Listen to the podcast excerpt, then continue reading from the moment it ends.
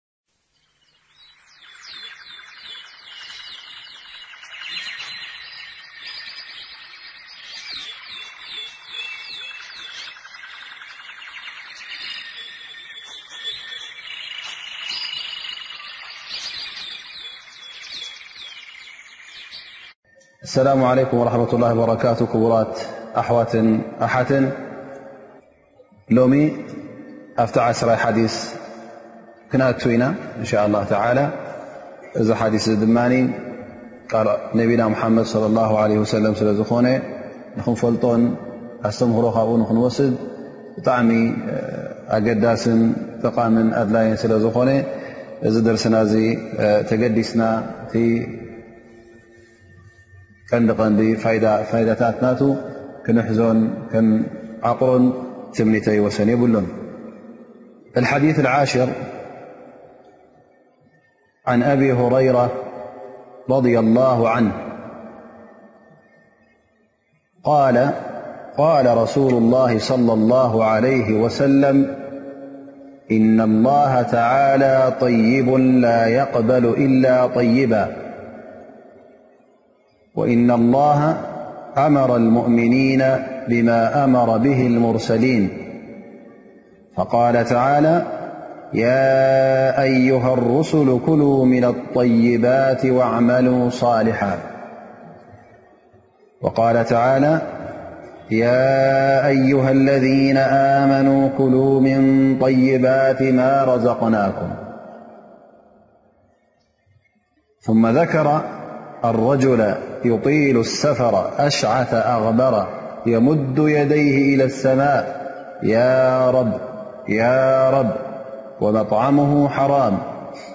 ومشربه حرام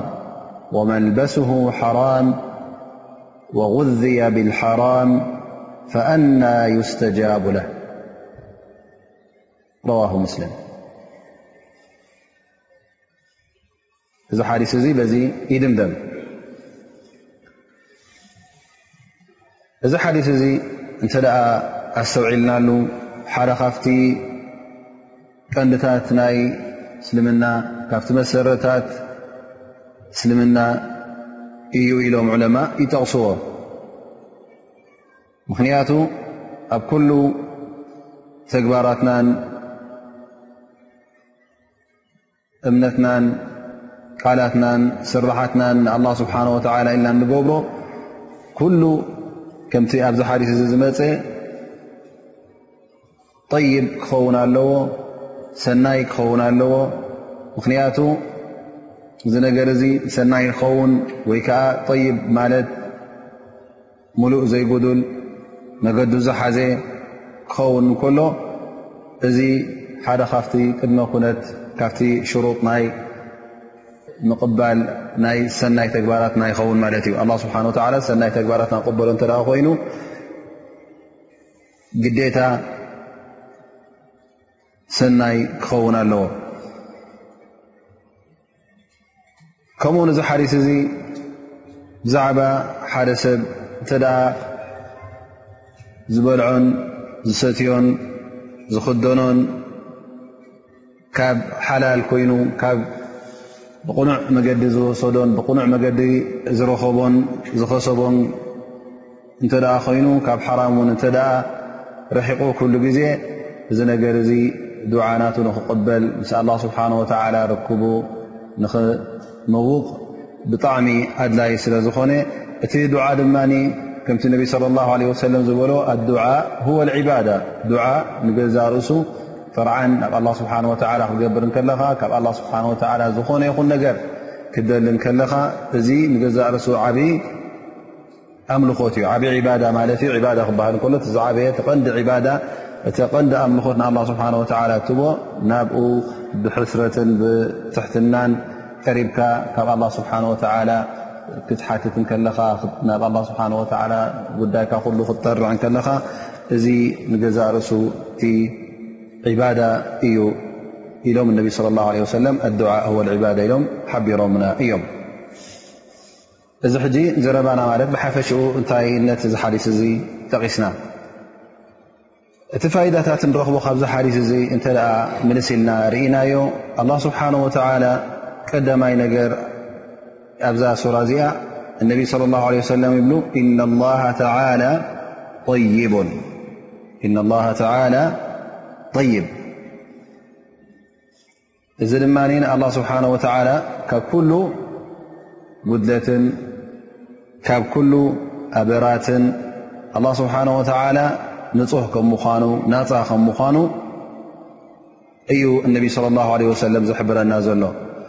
ምኽንያቱ እጠይብ ክበሃል እንከሎ ንፁህን ቅዱስን ካብ ኩሉ ጉድለትን ኣበርን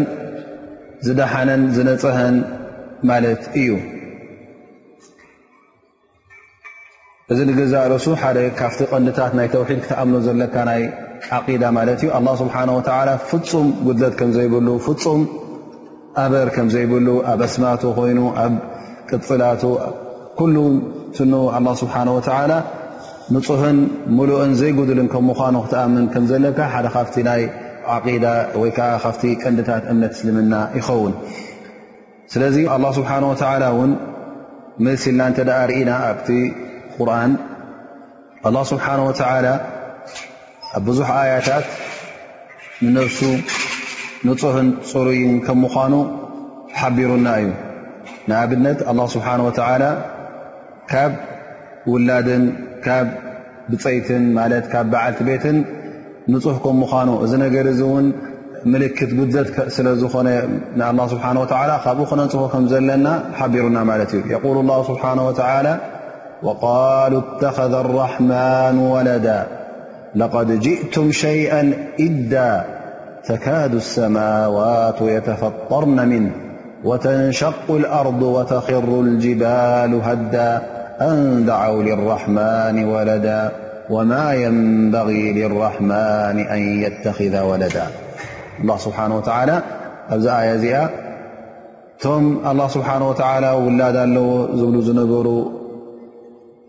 ወይ ከዓ ውን ወሊዱ ኢሎም ካብ ካልእ ካብ ሰበይቲ ካብ ብፀይቲ ውላድ ኣለዎ ዝበሉ እዚኦም ሰባት እዚኦም እቲ ዝብልዎ ቃል ሓሶት ከም ምኳኑ ሓቂ ዘይብሉ ሰማይን ሰማይ ዝጭደደሉን መሬት ስርግኣሉን ዘረባ ከም ምኳኑ ከምኡ ውን እዚ ቃል እዚ ጎቦታት ውን ክፈርስ ብሰንኩ ውን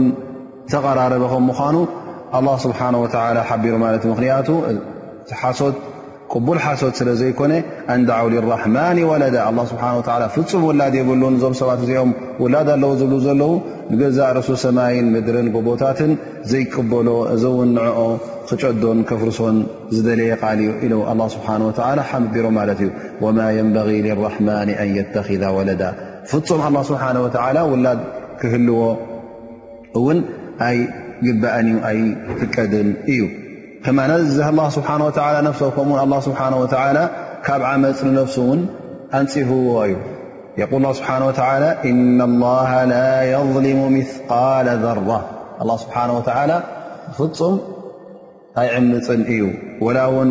ክንዲ ዘራ ትኹን ምዕማጽ ብጣዕሚ ክንዲ ንጋፍ እውን ይኹን ኣላ ስብሓን ወላ ክሳዕ ክንዲ እውን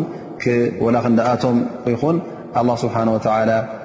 ካብዚ ነገር እዚ ነብሱ ኣንፅህዋ እዩ ካብዚ ዓመፅ እዚ ከምኡ ውን ኣላ ስብሓን ወላ ካብ ድቃስን ካብ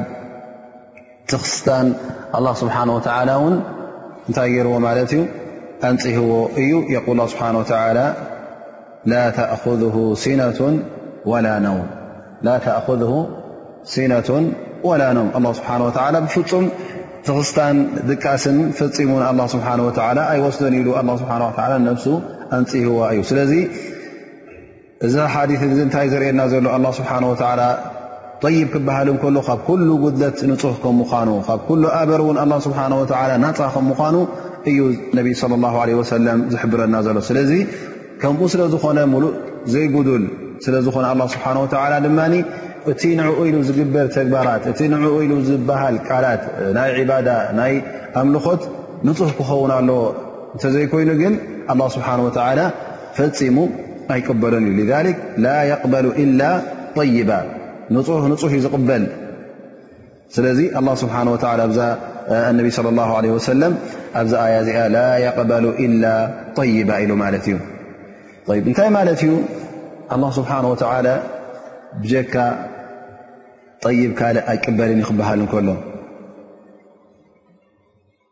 ኣብ ብዙሕ ኣሓዲስ እንተ ርእና ከምቲ ነቢና ሓመድ صለ ه ሰለም ዝበልዎ ብዙሕ ተግባራትን ብዙ ቃላትን ወይ ከዓ ካልእ ዓይነት ዝፍፅሞ ሰብ ኣላ ስብሓን ወላ ኣይቅበሎን ኢሉ እተጠቕሰ ኣሎ ማለት እዩ እዚ ዘይቅበሎ ኣላ ስብሓን ወላ ድማ ወይ ሓደ ካፍቲ ሸርጥታት ናቱ ካብቲ ቅድመ ኩነት ናቱ ጉድለት እንተ ተረኺቡ ሓደ ካብቲ መእዝን ናቱ እንተ ዘይፈፀምካዮ ከምኡ ውን እንተ እቲ ስራሕ ክትሰርሖ ከለኻ ብጌጋ ኣተግቢርካዮ እዚ ኩሉ ቅቡል ኣይከውንን እዩ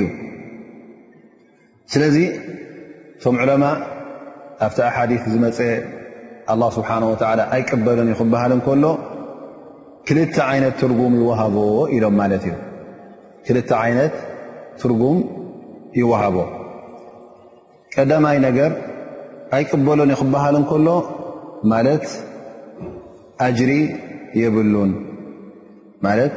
ኣጅሪ የብሉን ግን እቲ ተግባር ጌርካዮ ኢኻ እሱ እውን ካብ ዝባንካ ወሪዱ እዩ ኣቃሊልካዮ ማለት ኢኻ ንኣብነት የቁል ነቢ صለ ላه ለ ወሰለም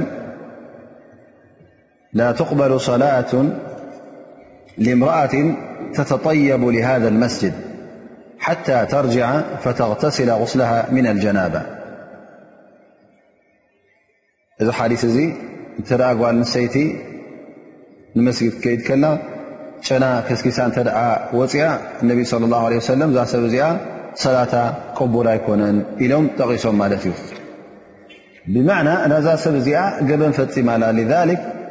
ሰላት ናታ ንኣብነት መቕሪብ ከይዳ ወላ ዕሻ ሰጊዳ ንበሎ እሞ በዚ ሓዲስ እዚ እንደገና ሰላት ክትገም ማለት ድዩ ኣይኮነን ዑለማ እብሉ ብማዕና እዛ ሰብ እዚኣ ገበን ፈፂማ ኣጅሪ የብላን እቲ ዝኸደቶ እንታይ ደኣ ዘንብያ ገይራ ደኣ እምበረ ኣጅሪ የብላን ላኪን እታ ሰላት ከም እንደገና ተስገዳ ኣይትበሃልን እያ ምክንያቱ እታ ሰላት ስለ ዝሰገደታ ግን እዛ ሰብ እዚኣ እቲ መስጊድ ዝኸደቶ ኣጅሪ ክትውስኺላ ዝሓሰበቶ እዚ ንኣጅሪ ኣይተሓሰበላን እንታይ ደኣ በንጻሩ እውን ገበን ተቖፂሩ ማለት እዩ እዚ ሓደ ገፂ እቲ ካልኣይ እውን ይብሉ ኣይቅበሎን ክበሃል ከሎ እቲ ተግባር ንገዛእ ርእሱ እውን ኮንቱ ክኸውን ባጥል ክኸውን ይኽእል እዩ ማለት እቲ ተግባር ቅኑዕ ኣይኮነን ስለዚ ክትደግሞ ኣለካ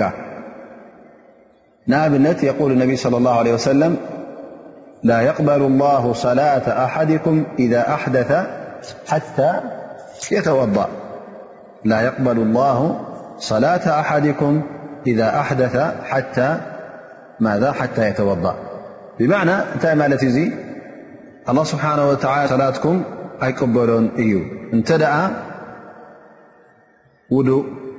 ዘይብሉ ውድኡ እተ ፈሪሱ ማለት እዩ ክሳዕ ከም እንደገና ውድኡ ዝገብር ውድኡ ዘጀድድ ማዕና ቀቡል ኣብዛ ሕጂ ምቕባል ማለት እንታይ ማለት እዩ ማለት እታ ዝገበራ ተግባር ቀዳማይ ነገር ኣጅሪ የብላን ካልኣይ ነገር እውን ኣብ ርእሲኡ እዛ ሰላት እዚኣ እክልቲ ኮነትን እንደገና ክሰግዳ ኣለዎ ማለት ጌና ኣብ ዝባኑላ ማለት እዩ ዕድኡ ኣይከፈለን ጌና ዕዳ ናቱ ካብ ዝባኑ ኣይወረደን ማለት እዩ ምክንያቱ ዋጅብ ስለ ዝኾነ ዝዋብ ዝግዴታ እዚ ከም ዕዳ ከም ተሰክሙ ስለ ዝቁፅር ካብ ፀሩ ኣይወረደን ማለት እዩ እዘ ነቢ ለ ላ ለ ወሰለም ኣብዚ ሓዲስ እዚ ኣይቅበልን እዩ ኣላ ስብሓን ወተዓላ ላ የቅበሉ ኢላ ጠይባ ክብሉ ከለዉ ማለት እቲ ኣጅሪ ኣይ የለን ተዋብ የብሉን ኣላ ስብሓን ወተላ ዝተግባርካ እዚ እውን ኣይረደየሉን ኣይፈተዎን ከምኡ ውን ተግባርካ እዚ ኣይውደስን እዩ ኣይመጎስን እዩ ከምኡውን ኣብ ቅድሚቶም መላእካታት ኣላ ስብሓን ወተዓላ ኣይጠቕሱን እዩ ስለዚ ከምኡ ስለ ዝኾነ እንተ ሓደ ሰብ ሰደቓ ከውፅእ ኮይኑ ካብ ገንዘብ ሓራም ፍፁም ቅቡል እውን ኣይኮነን ካልእ ሸነኽ እውን እንታይ ንርኢ ማለት እዩ እቲ ተግባር እንተ ውን ብማል ሓራም ኮይኑ እውን እንታይ ክኸውን ማለት እዩ ተቐባልነት እውን ኣይረክብን እዩ ኣብ ኣላ ስብሓን ወተላ እውን ብዝያዳ ነዚ ሰብ እዚ ኣብ ክንዲ ኣጅሪ እውን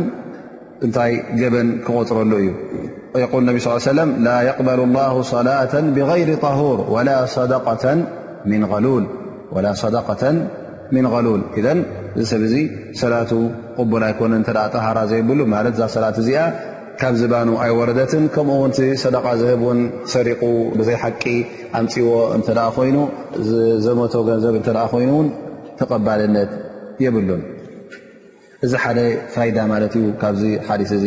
ንጥቀሞ ከምኡ ውን እዚ ሓዲስ እዚ ብዛዕባ ወዲ ሰብ እቲ ዝበልዖን ዝሰትዮን ካብ ሓላል ክኸውን ከም ዘለዎ والنبي صلى الله عليه وسلم ف حدث وإن الله أمر المؤمنين بما أمر به المرسلين الله سبحانه وتعالى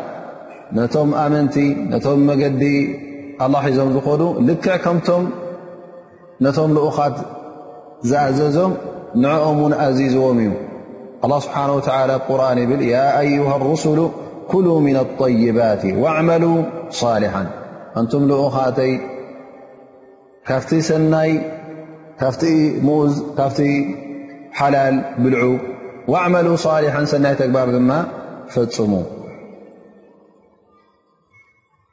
ከምኡ ውን ነቶም ኣመንቲ ንበይኖም ጠቒሱ ውን ያ ኣዩሃ ለذነ ኣመኑ ኩሉ ምን طይባት ማ ረዘቅናኩም ኢልዎም ኣንቱም ብኣይ ዝኣመንኩም ካፍቲ ሰናይ ሽሻይ ካፍቲ ሰናይ ርዝቀይ ካብኡ ብልዑ ማለት እትበልዖ እንታይ ክኸውን ኣለዎ ኣላ ስብሓን ወተላ ዘፍቀዶ ሓላል ንነብስኻ ዝጠቅም ነብስኻ ዘይጎድእ ብመገዲ ሓላል ዘምፃእካዮ ስራሕ ትሰርሖ ዘለኻ ሓላል ክኸውን ካብ ሓራም ዝረሓቐ ካብ ሓረጣ ዝረሓቐ ካብ ዘመታ ዝረሓቐ ክኸውን ኣለዎ ማለት እዩ كم ن الله سبحانه وتعالى حرم كم بعل سجحسما مسل ل عين ناسة ر لع ن ن الله سبحانه وتعالى حرم ي يقول ه بحنه وعالى إنما حرم عليكم الميتة والدم ولحم الخنزير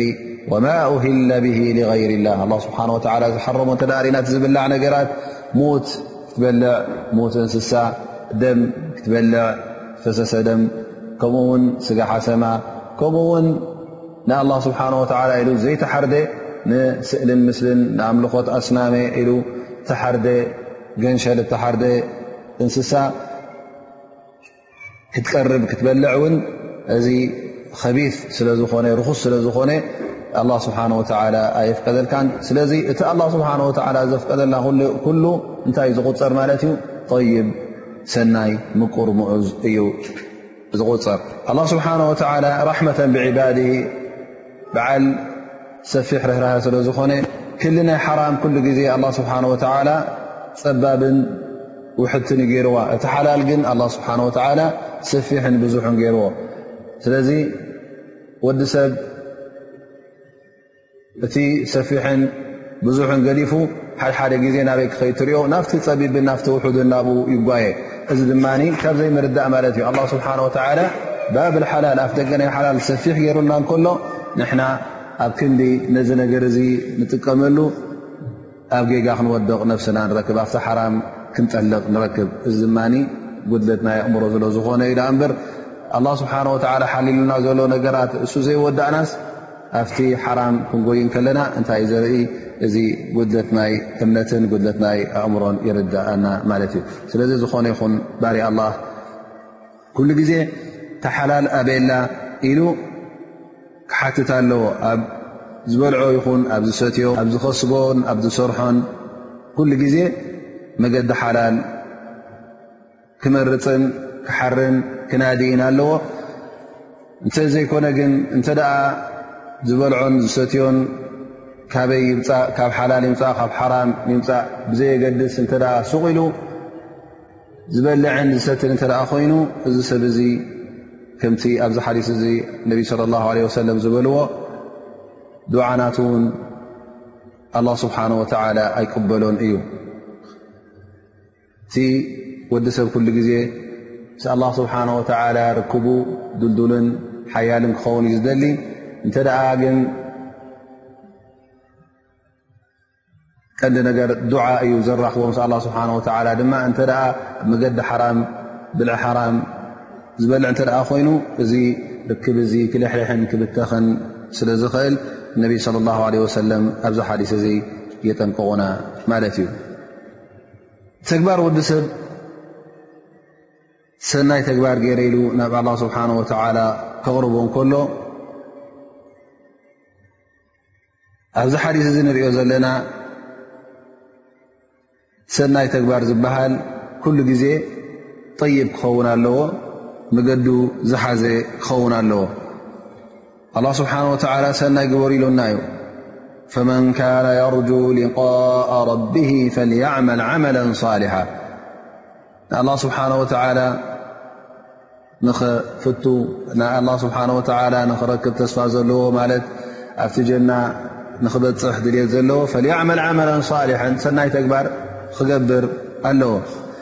ላኪን እዚ ሰናይ ተግባር ድማ ኣላ ስብሓን ወተላ ከምዚ ብዙ ሓዲስ እዚ እውን ዝረኣናዮ ግዴታ ካብ ሰናይ ክመፅእ ኣለዎ ጠይብ ክኸውን ኣለዎ እንተ ደኣ እቲ ትገብሮ ሰናይ ነገር ፅቡቕ ነገር መገዱ ዝሓዘ እንተ ደኣ ኮይኑ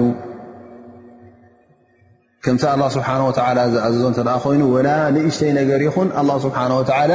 ኣዕብ እዩ ዝቕበሎ ንኣብነት ኣብ ሰደቃ እንተ ኮይኑ ሊላ ኢልካ ክትህብ ከለኻ ዘካት ኮይኑ ሰደቃ ኮይኑ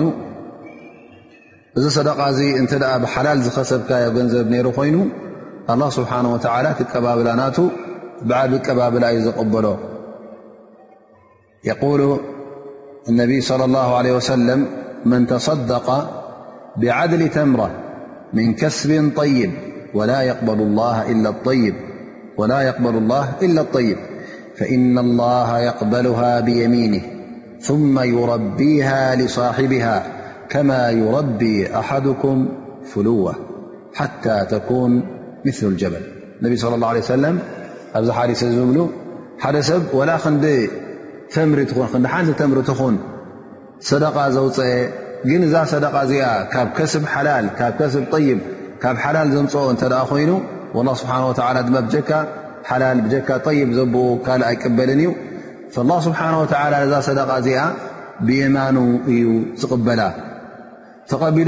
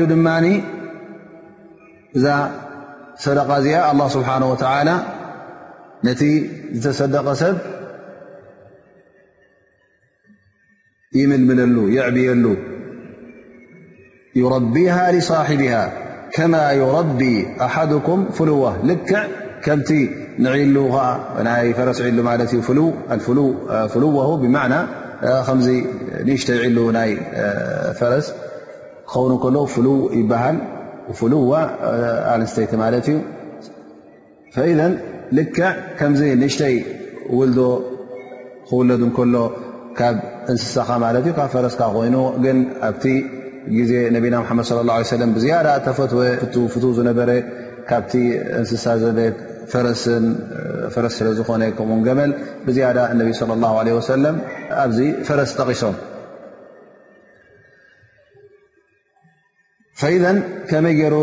ኣብቲ ግዜ እቲ ተገዲሶም የዕብዎ ነሮም ማለት እዩ ላ ስብሓን ወተላ እዚ ሰደቃ እዚ ኣላ ስብሓ እታ ንእሽተይ ይዕብየልካ ማለት እዩ እናከናኸነልካ እናዓበየት እናዓበየት ትኸይድ ክሳዕ ክንዲ ጎቦ ትኸውን ሓታ ተኩን ምል ጀበል ን ንእሽተይ ያ ነራ ተውፅኣ ከለኻ ቀላል እያ ነራ ላኪን ካብ ሓላል ዘምፃካያ ስለ ዝኾነት ካብ ከስብ ጠይብ ካብ ምኡዝን ጥዑምን መገዱ ዝሓዘ ሓላል ነገር ስለ ዘምፃእካያ ኣላ ስብሓን ወተላ ድማ ፅቡቕ ተቐቢልዋ ማለት እዩ ኣላ ስብሓን ወተላ እዚ ክበሃል እንከሎ ምናልባሽ መብዝሕቲ ሰብ ጥራይ ኣብ ናይ ሰደቃን ኣብ ናይ ገንዘብ መሃብን ከይመስሎ እዚ ጥራይ ኣይኮነን እንታይ ደኣ ካልእ እውን ነገራት ኣሎ ኣላ ስብሓን ወተላ ጠይብ እንተ ደኣ ዘይኮነ ኣይቅበሎን እዩ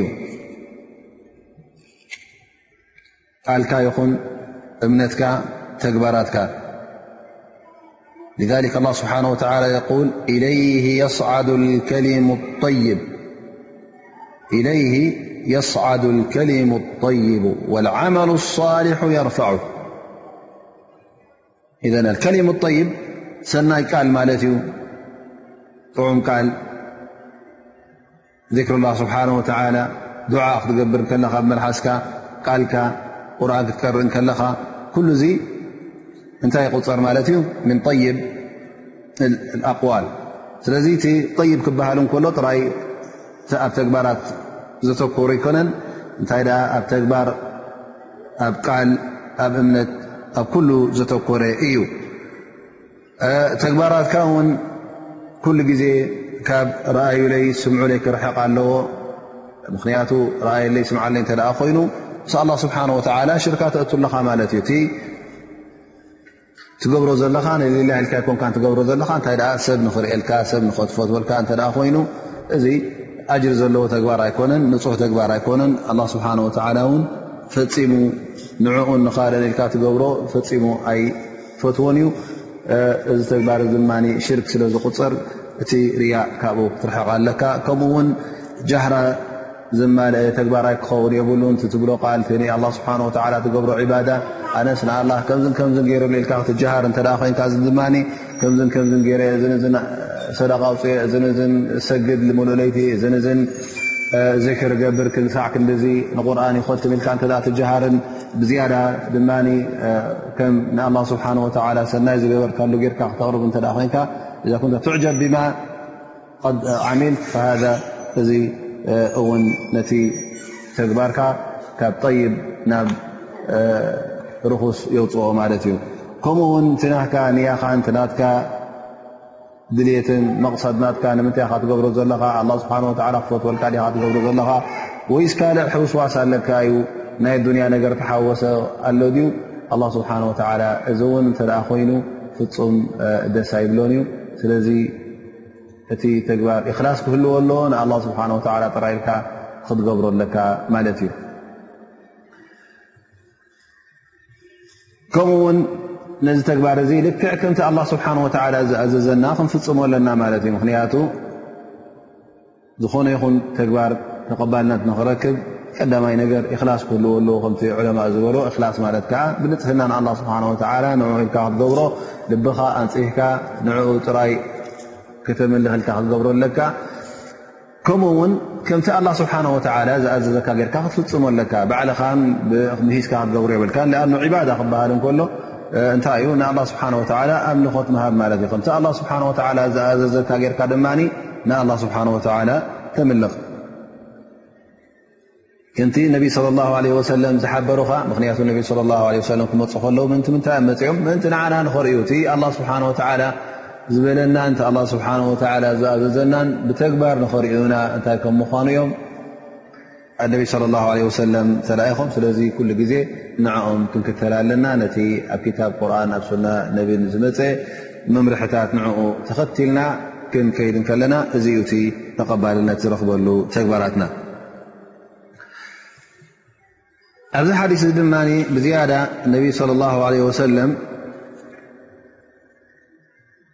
እንታይ ጠቒሶም ብዛዕባ ናይ ዱዓ እዚ ዱዓ እዚ ክንገብር ከለና ስለምንታይ ኢና ንገብር ግዴታ ኣላ ስብሓን ወተላ ምእንቲ ክቕበለልና እቲ ዱዓ ንገብሮ ዘለና ኣላ ስብሓን ወተላ ሰሚዑ ጆባኢሉ ተቐቢሉ ከስምረልና ትብ ልብና ዘሎ ኩሉ ክምልኣልና ኢልና ኢና ንገብር ማለት እዩ ከምዚ ሓዲስ እዚ ነቢ صለ ላ ለ ወሰለም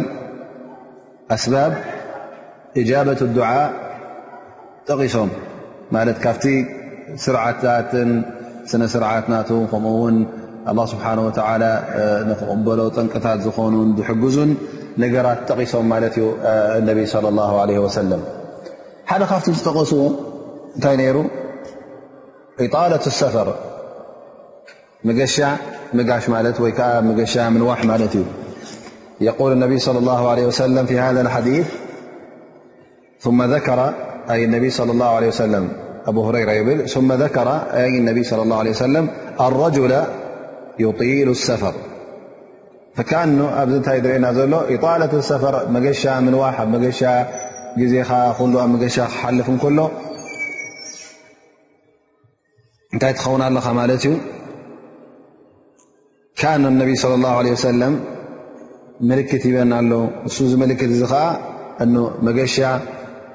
ሰበብ ናይ እጃበት ዱዓ ከም ምዃኑ ዱዓኻ ንክቕበል ጠንቂ ከም ምዃኑ እነቢ ስለ ላ ለ ወሰለም ሓበሬታ ይቡና ኣለዉ ማለት እዩ ኣብ ካልእ ሓዲስ እንተ ርእና እውን ብዝያዳ እነቢ ስለ ላ ለ ወሰለም ብዛዕባ እዚ ነገር እዚ ኣብሪሆሞ እዮም عن أب هريرة رضي الله عنه أن رسول الله صلى الله عليه وسلم -قال ثلاث دعوات مستجابات لا شك في هن دعوة المظلوم ودعوة المسافر ودعوة الوالد على ولده النبي صلى الله عليه وسلم يبلو سلست دعا اللوى سلست دعات اللوى بلات الله سبحانه وتعالى قبل لا شك في هن ف طرطرالله سبحانه وتعالى ن قبل فقال دعوة المظلوم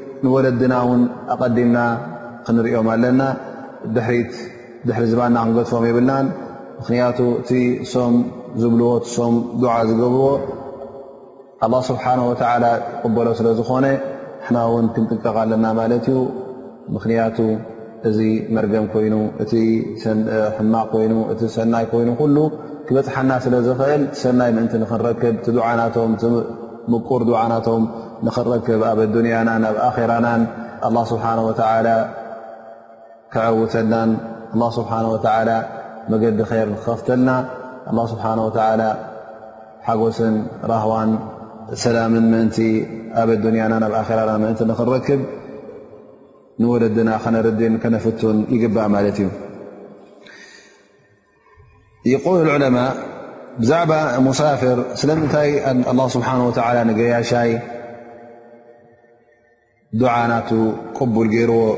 ይብሉ ምኽንያቱ ገያሻይ ኩሉ ግዜ ካብ ዓዲ ናብ ዓዲ ክኸይድ እንከሎ ትዝኣት ዓድታት ኩሉ ዘይፈልጡ ዓድታት ስለ ዝኾነ ብትሕትናን ብምስኪንነትን እዩ ዝኣትዎ ስለዚ ከምኡ ውን ኣብ ርእሲኡ ድማ ድኻም ስለ ዘለዎ እዚ ኩሉ ነገራቱ እውን ኩሉ ግዜ ናብ ምንታይ ናብ ትሕትና ጥራይ ስለ ዘቕርቦ ኣላ ስብሓን ወተዓላ ድማ ድዑኡ ዱዓናቱ ይቕበሎ ይብሉ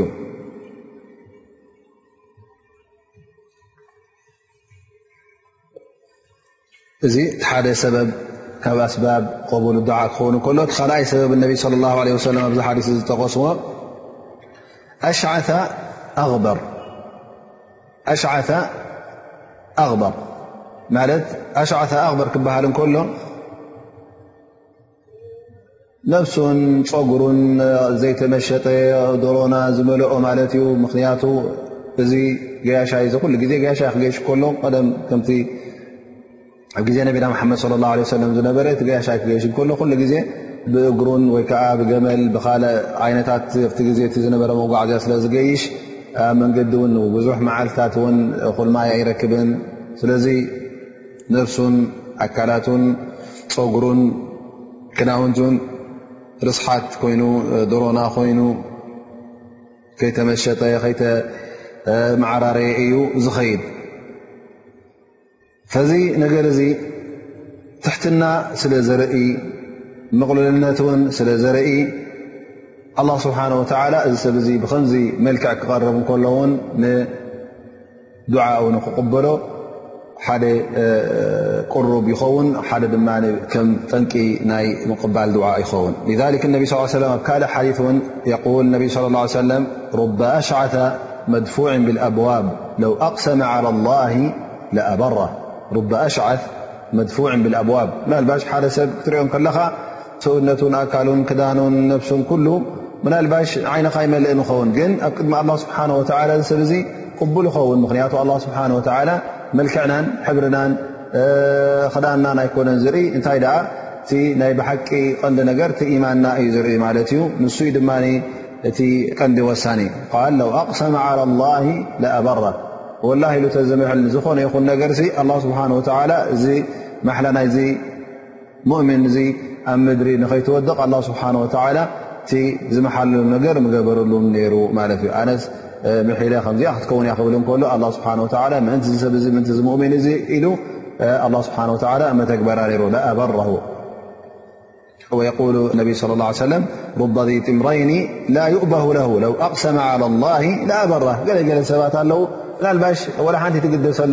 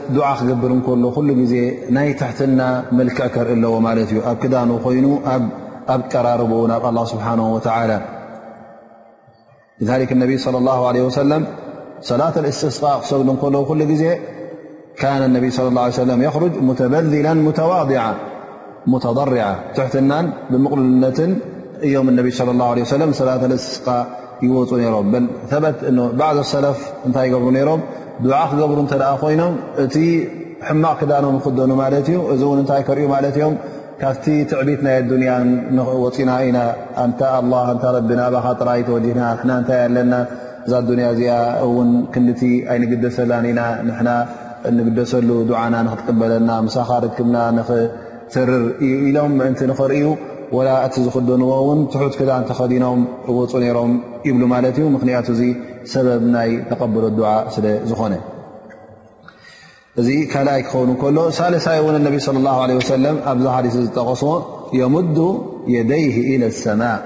የሙዱ የደይህ ኢለ ሰማእ ኢዱ ናብ ሰማይ ገፁ ሓፍ ኣቢሉ ማለት እዩ ገፁ ሓፍ ኣቢሉ ክንብል ከለና ذ نتي ملت ي نب الله سبحانه وتعالى توجه ملت ي والنبي صلى الله عليه وسلم يقول إن الله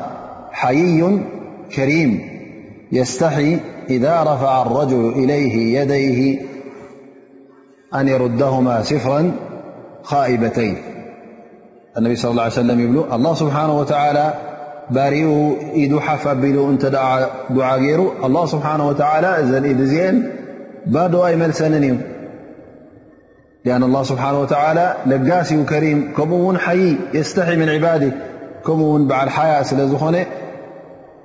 ባርያ ኣላ እንተ ኢዱ ሓፍ ኣቢሉ ናብ ኣላ ስብሓን ወተላ ተወጂሁ ኣላ ስብሓን ወተላ እዛ ኢድ እዚኣ ባዶ ኣይመልሳን እዩ ጥራይ ኢደ እውን ኣይምለስን ማለት እዩ እዘን ነቢ ስለ ላ ለ ሰለም እውን ኣብ ናይ እስትስቃ ድዓ ክገብሩ ከለዉ ኢዶም ሓፍ የብሉ ነይሮም ኣብ ኩናት በድር እንተ ርእና እውን እነቢ ስለ ላ ለ ሰለም ኢዶም ሓፍ ኣቢሎም ድዓ ገብሩ ነይሮም ክሳዕ እቲ ኣብ ዝባኖም ተወንዚፎሞ ዝነበሩ ነፀላ ክሳዕ ዝወደው ኮይኑ ስለዚ ኢትካሓፍ ኣቢልካ ዱዓ ንክትገብር እዚ ኣብ ሱና ነቢና ሙሓመድ ለ ላ ለ ወሰለም ዘሎ ዩ ማለት እዩ ኣላ ስብሓን ወተላ ውን ንክቕበለልካ ሓደ ካብቲ ጠቅታትን ኣስባብን እዩ ማለት እዩ ይ ከመይ ጌርካዮ ኢትካሓፍ ዝበሃል እተ ክንብል ኮይና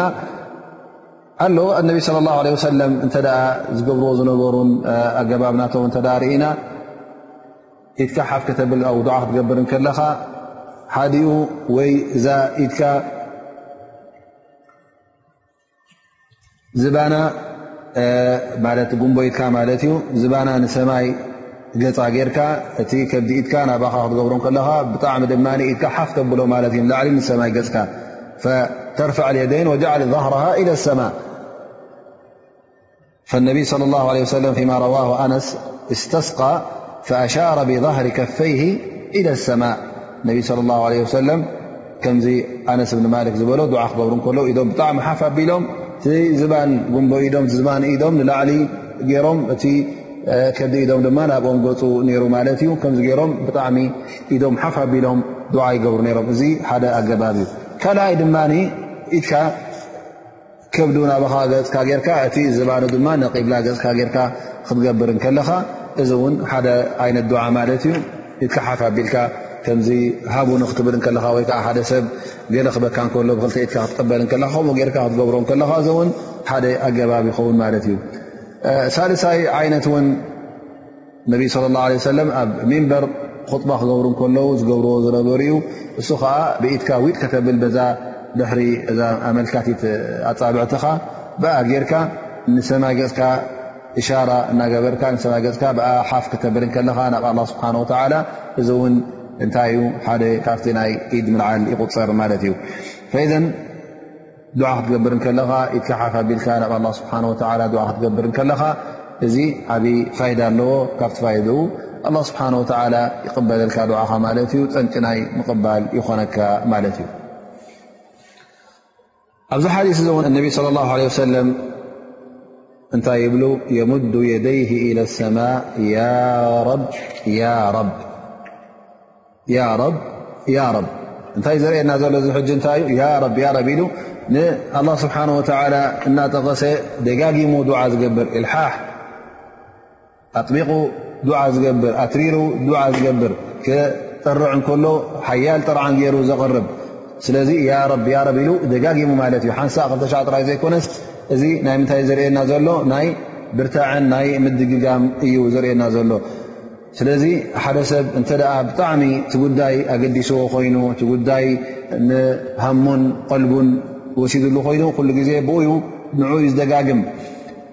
ነቢ ስ ሰለ ያረብ ያረብ ዝብል ኢሎም ጠቒሶውና ማለት እዩ ፈኢዛ ሓደ ሰብ ዱዓ እንተ ገይሩ ኩሉ ግዜ ኢልሓሕ ክገብር ኣለዎ ኣትሪሩ ዱዓ ክገብር ኣለዎ ፎኪስ ድዓ ኣላ ስብሓን ወተላ ዱዓ ገይሩ ሓንሳ ክልተሻ ኣይተቐበለለይ ኢሉ ክገድፎ የብሉ እንታይ ደኣ ደጋጊሙ ክመላለስ ኣለዎ ማለት እዩ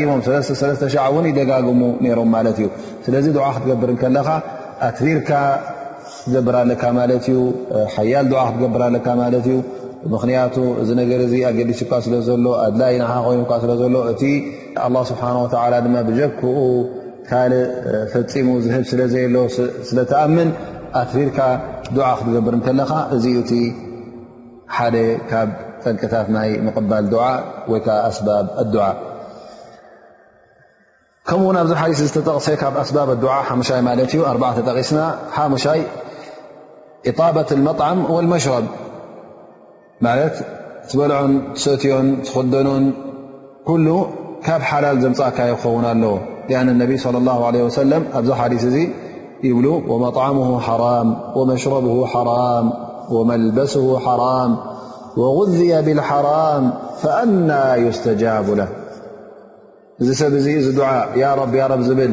እዚ ኩሉ ኣስባብ ኣዱዓ ገይሩ ኢዱ ሓፍ ኣቢሉ ገያሻይ ኮይኑ ከምኡ ውን ክዳኑን ነብሱን ኩሉ ናይ ትሕትና ምልክት ዘለዎ እዚ ኩሉ ተኻኺቡ ከሎ ደጋጊሙ ዱዓ ኢልሓሕ እናገበረ ከሎ ኣላ ስብሓን ወተዓላ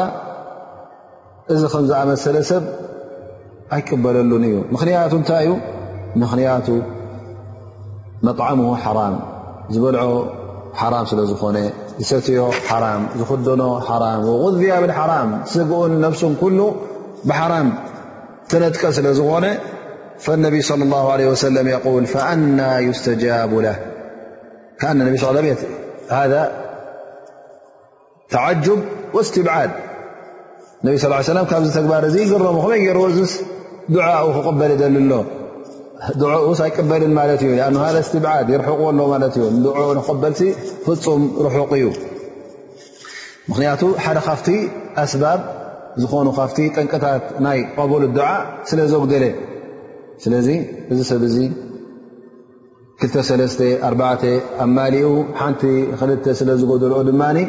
ዱዓኡ ኣላ ስብሓን ወተዓላ ኣይቅበለሉን እዩ ኢሎም ነቢ ለ ላ ለ ወሰለም ይሕብሩና ማለት እዩ እንታይ ዘርእየና ዘሎ እዚ ሓዲስ እዚ ምናልባሽ ኩሉ ነገራት ኣማሊእካ ትኸውን ግን እቲ ወገናይ ሓላል ምብላዕ ብገንዘብ ሓላል ጥራይ ምጥቃም ካብ ቤትካ ካብ ስራሕካ ካብ ንብረትካ ኩሉ ሓራም ዘቦኡ ክተርሐ ከም ዘለካ እዩ ዘርእየና ዘሎ ማለት እዩ ምክንያቱ እንተ እቲ ስውነትካን ኣካልካን ኩሉ ብሓራም ዝተነጥቀ እተ ኮይኑ ተኸዲንካዮ ዘለኻ ክዳን ኢትካ ተንቀሳቕሶ ዘለኻ እዚ ኩሉ ብሓራም ጥራይ ተሸፈነ እተ ኮይኑ ብሓራም ተነደቐ እተ ኮይኑ ኣላ ስብሓን ወላ ነዚ ከም ዝኣመሰለ ሰብ ዱዓናቱ ኣይቀበሎን እዩ እንተ ክቅበለሉ ኮይኑ ኩሉ ግዜ ሰናይ ሓላል ዝኾነ መግቢ ካብ ሓራም ዝረሓቀ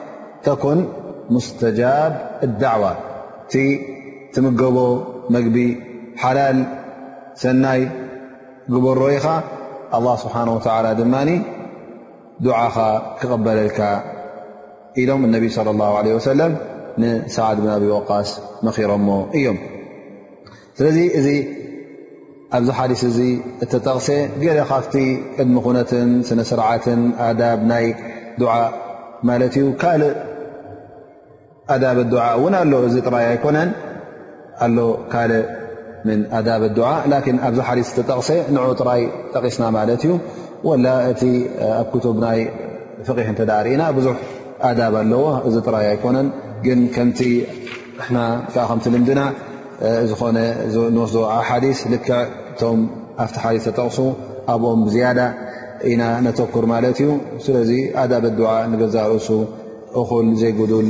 ሓደ ናይ ደርሲ ስለ ዝኾነ ኣብዚ ደርስና እዚ በዚ ዝጠቐስናዮ ሸርሒ ወይከዓ በዚ ዝጠቐስናዮ ትንተና በዚ ንፍፅም ብእድን ላ ተላ ሳ ላ ስብሓን ወተላ ኣን የንፈዕና ብማ ሰሚዕና ዝሰማዕናዮ እንሻ ላ ጠቓምን فائدة زلو كخو ناتمنخ ني لمعت درسنا لزي يدمدم قل قول هذا وأسأل الله سبحانه وتعالى أن ينفعنا بما سمعنا وأن يعلمنا ما ينفعنا وصلى الله على نبينا محمد وعلى آله وصحبه وسلم أجمعين